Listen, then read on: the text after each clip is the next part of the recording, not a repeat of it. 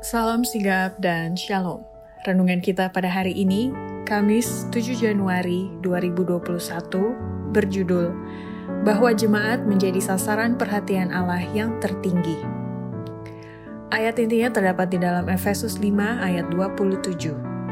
Supaya dengan demikian ia menempatkan jemaat di hadapan dirinya dengan cemerlang, tanpa cacat atau kerut atau yang serupa itu, tetapi supaya jemaat kudus dan tidak bercela. Pena Inspirasi menjelaskan tugas utama kita sebagai putra-putri Allah yang berhubungan dengan judul renungan kita pagi ini, bahwa jemaat menjadi sasaran perhatian Allah yang tertinggi adalah sebagai berikut. Pertama, setiap putra-putri Allah perlu memberi perhatian dan simpati kepada yatim piatu dan janda-janda yang dalam kesusahan. Di antara semua orang yang keperluannya harus mendapat perhatian kita, janda dan yang tidak berayah lagi memerlukan simpati kita yang paling utama.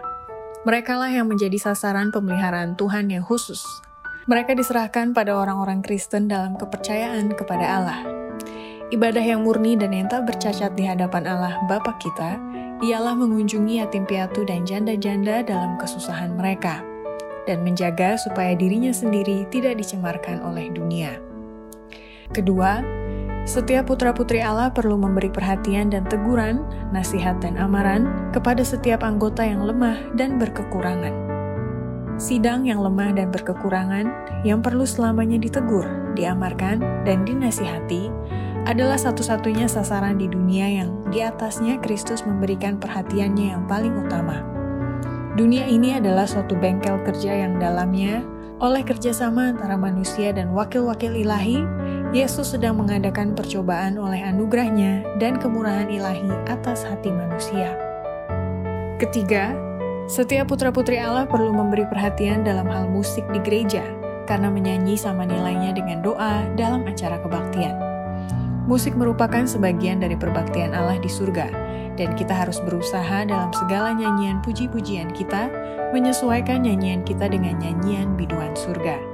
Latihan seni suara merupakan sesuatu yang penting dalam pendidikan, dan hal ini jangan hendaknya diabaikan saja. Menyanyi yang menjadi sebagian dari acara kebaktian sama nilainya dengan doa dalam acara kebaktian itu. Hati harus merasai roh nyanyian itu agar dapat mengungkapkannya dengan betul. Keempat, setiap putra-putri Allah perlu memberi perhatian dan menyesuaikan diri dengan peta Kristus dalam usaha pribadi dengan hadiah-hadiah dengan pengorbanan-pengorbanan. Seharusnya hanya terdapat satu perhatian saja di dalam sidang, satu kerinduan yang harus mengendalikan seluruhnya, dan itu adalah kerinduan untuk menyesuaikan diri dengan peta Kristus. Masing-masing harus bergumul untuk melakukan bagi Yesus segala sesuatu yang mungkin dilakukan olehnya dengan usaha pribadi, dengan hadiah-hadiah, dengan pengorbanan-pengorbanan. Demikianlah renungan kita pada hari ini. Kiranya Tuhan memberkati kita semua.